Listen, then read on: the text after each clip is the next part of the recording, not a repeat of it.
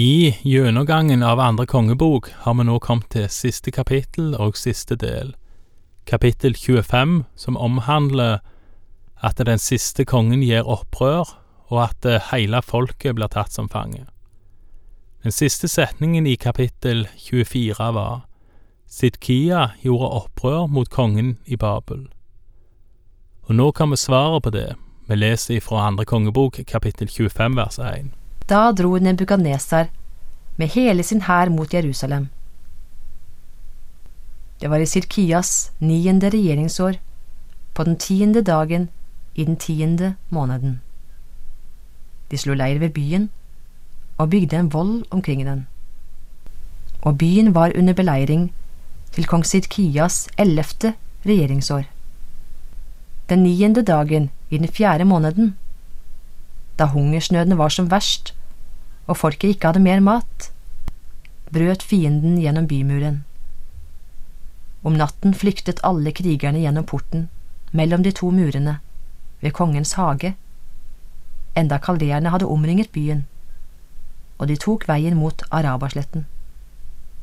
Men kaldeernes hær satte etter kongen og nådde ham igjen på slettene ved Jeriko. Da hadde hele hæren flyktet fra ham og var spredt. Kongen ble grepet og ført opp til Ribla, til kongen av Babel, som felte dommen over ham. Han drepte Silkias sønner rett for øynene på ham. Så stakk han ut øynene på Silkia, bandt ham med bronselenker og førte ham til Babel.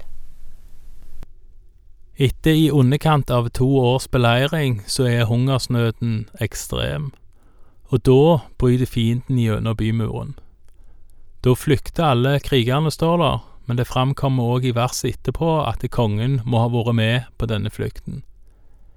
Hæren ser ut til å ha blitt mer eller mindre oppløst, men fienden klarer likevel å fange kongen ved Jeriko.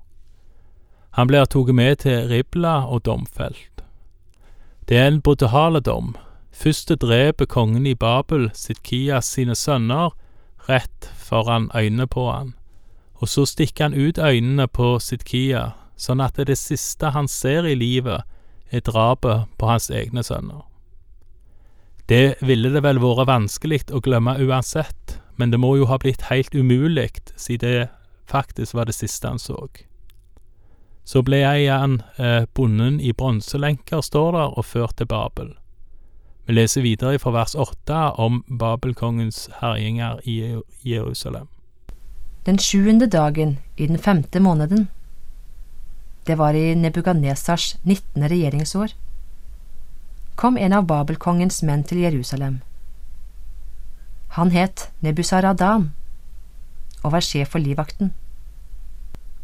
Nebusaradan satte Herrens tempel og kongens slott i brann. Alle husene og palassene i Jerusalem brente han opp. Og kaldeerhæren som sto under hans kommando, rev ned murene rundt Jerusalem.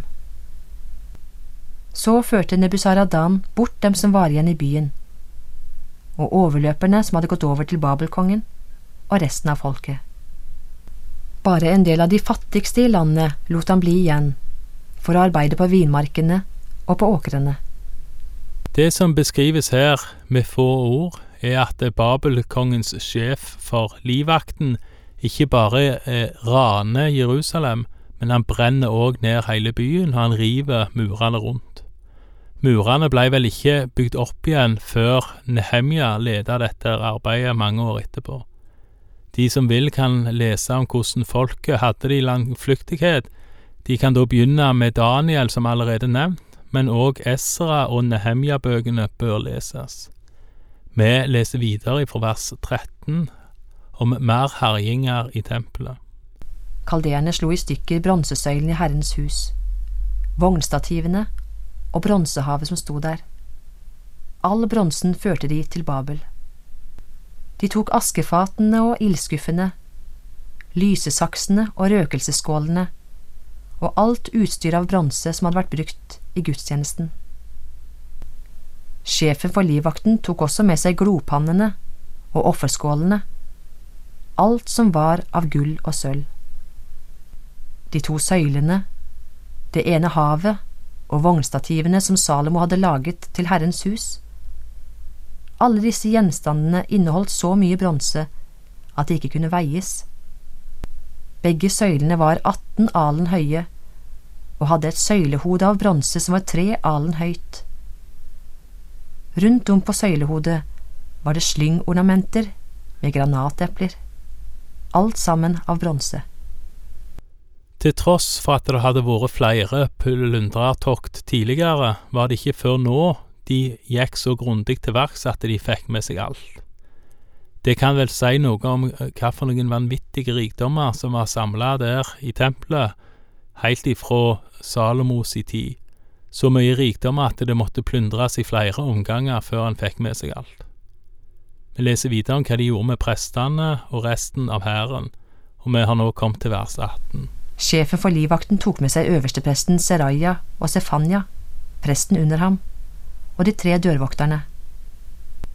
Fra byen tok han med seg en hoffmann som hadde tilsyn med krigerne, fem av kongens fremste tjenestemenn, som ennå var i byen. Dessuten hærføreren skriver, han som skrev ut folk i landet til krigstjeneste, og 60 mann av folket som ellers fantes i byen. Alle disse tok Nebuzaradan, sjefen for livvakten, med seg. Han førte dem til Babelkongen i Ribla, og han slo dem i hjel der, i Ribla, i Hamatlandet. Slik ble folket i Juda ført bort fra sitt land.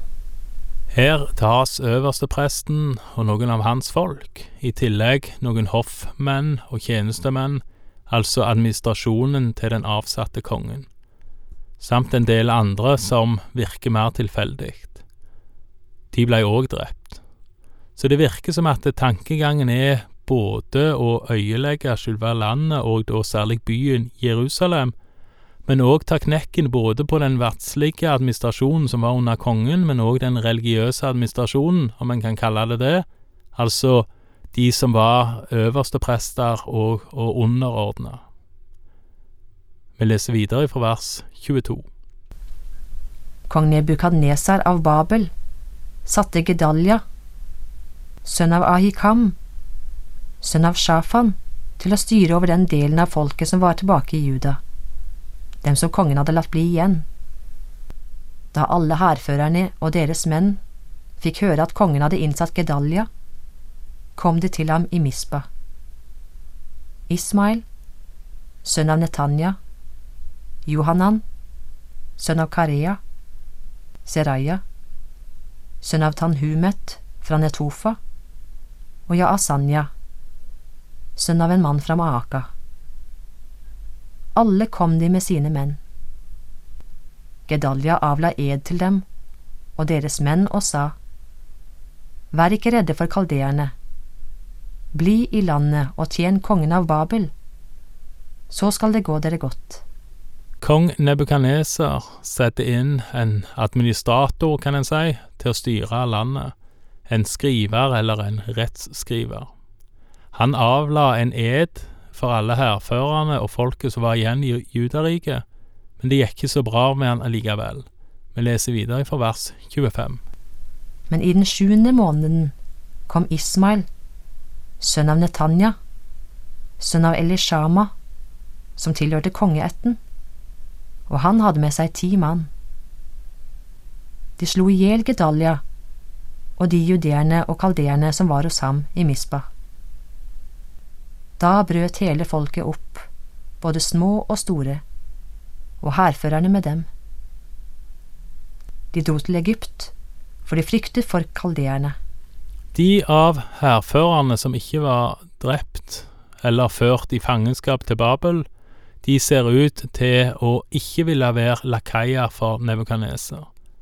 Som nevnt tidligere, så virka profeten Jeremia i disse tider, og de som ønsker å lese mer om denne historien, kan gjøre det i Jeremia kapittel 41. Men de som ikke da ville gå Nebukadnesas ærend, de flykta til Egypt. Det var kanskje ikke så unaturlig, si Egypt og Babel, eller Egypt og Babylon, var fiender. Vi leser de siste fire versene ifra vers 27. I det 37. året etter at judakongen Jojakin var bortført, den 27. dagen i den tolvte måneden, i det året han selv ble konge, tok Babelkongen Evil Merodak judakongen Jojakin til nåde og satte ham fri fra fengselet. Han snakket vennlig med ham og ga ham den fremste plassen blant de kongene som var hos ham i Babel. Jojakin fikk legge av seg fangedrakten, og siden spiste han alltid ved kongens bord, så lenge han levde. Sitt daglige brød fikk han av kongen, dag for dag, så lenge han levde. Jojaking ble som nevnt i gjennomgangen i kapittel 24 konge allerede som 18-åring, og han satt bare i tre måneder før han ble ført i eksil til Babel. Grunnen til at ikke han ble den siste kongen, var at hans onkel ble satt inn som konge etter han. Og det kan jo være flott at andre kongebok slutter med at ikke alle kongene ble drept av kongen i Babel eller i Babylon. Men en kan jo tenke seg at det her slutter kongerekka etter David. Og på en måte så gjør han det, iallfall når det gjelder konger som har et kongssete eller et kongedømme.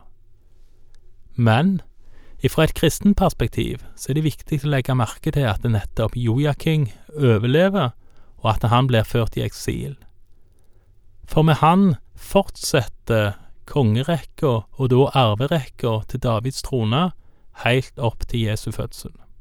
Leser en i Matteus kapittel 1 vers 11 og 12, så står det der Og Joshia ble far til Jojaking og brødrene hans, på den tiden da folket ble bortført til Babylon.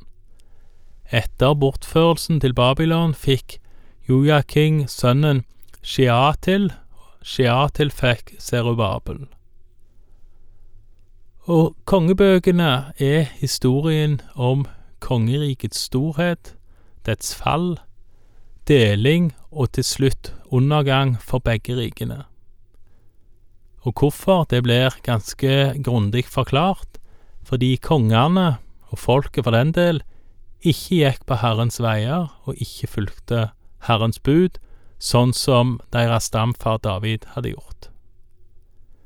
Parallelt med disse kongerekkene har vi òg ut gjennom bøkene fulgt profetrekkene.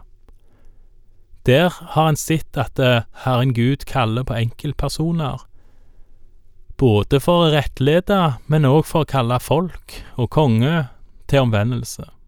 De som leser videre i historiene om israelsfolket, vil se at det, eh, det kalles flere profeter og andre for å tale Guds ord, òg i tida i fangenskap. Profetrekka fortsetter derfor utover, òg i fangenskapet. Det samme gir jo òg kongerekka, som vi allerede har vært inne på når vi leste ifra Matteus-kapittelet. Kongerekka og profetrekka, de når begge sine siste ledd så å si samtidig. Det vil si med seks måneders mellomrom, hvis vi skal tro Bibelen. Den siste profet, døperen Johannes, ble sendt for å rydde vei for den siste kongen, altså Jesus. Og Jesus var en konge og er en konge og er Gud, som både gikk og går på Herrens veier, og som derfor kommer til å ville oppfylle løftet som Herren Gud ga til David, løftet om en konge til evig tid på Davids trone. Takk for i dag, og Herren være med deg.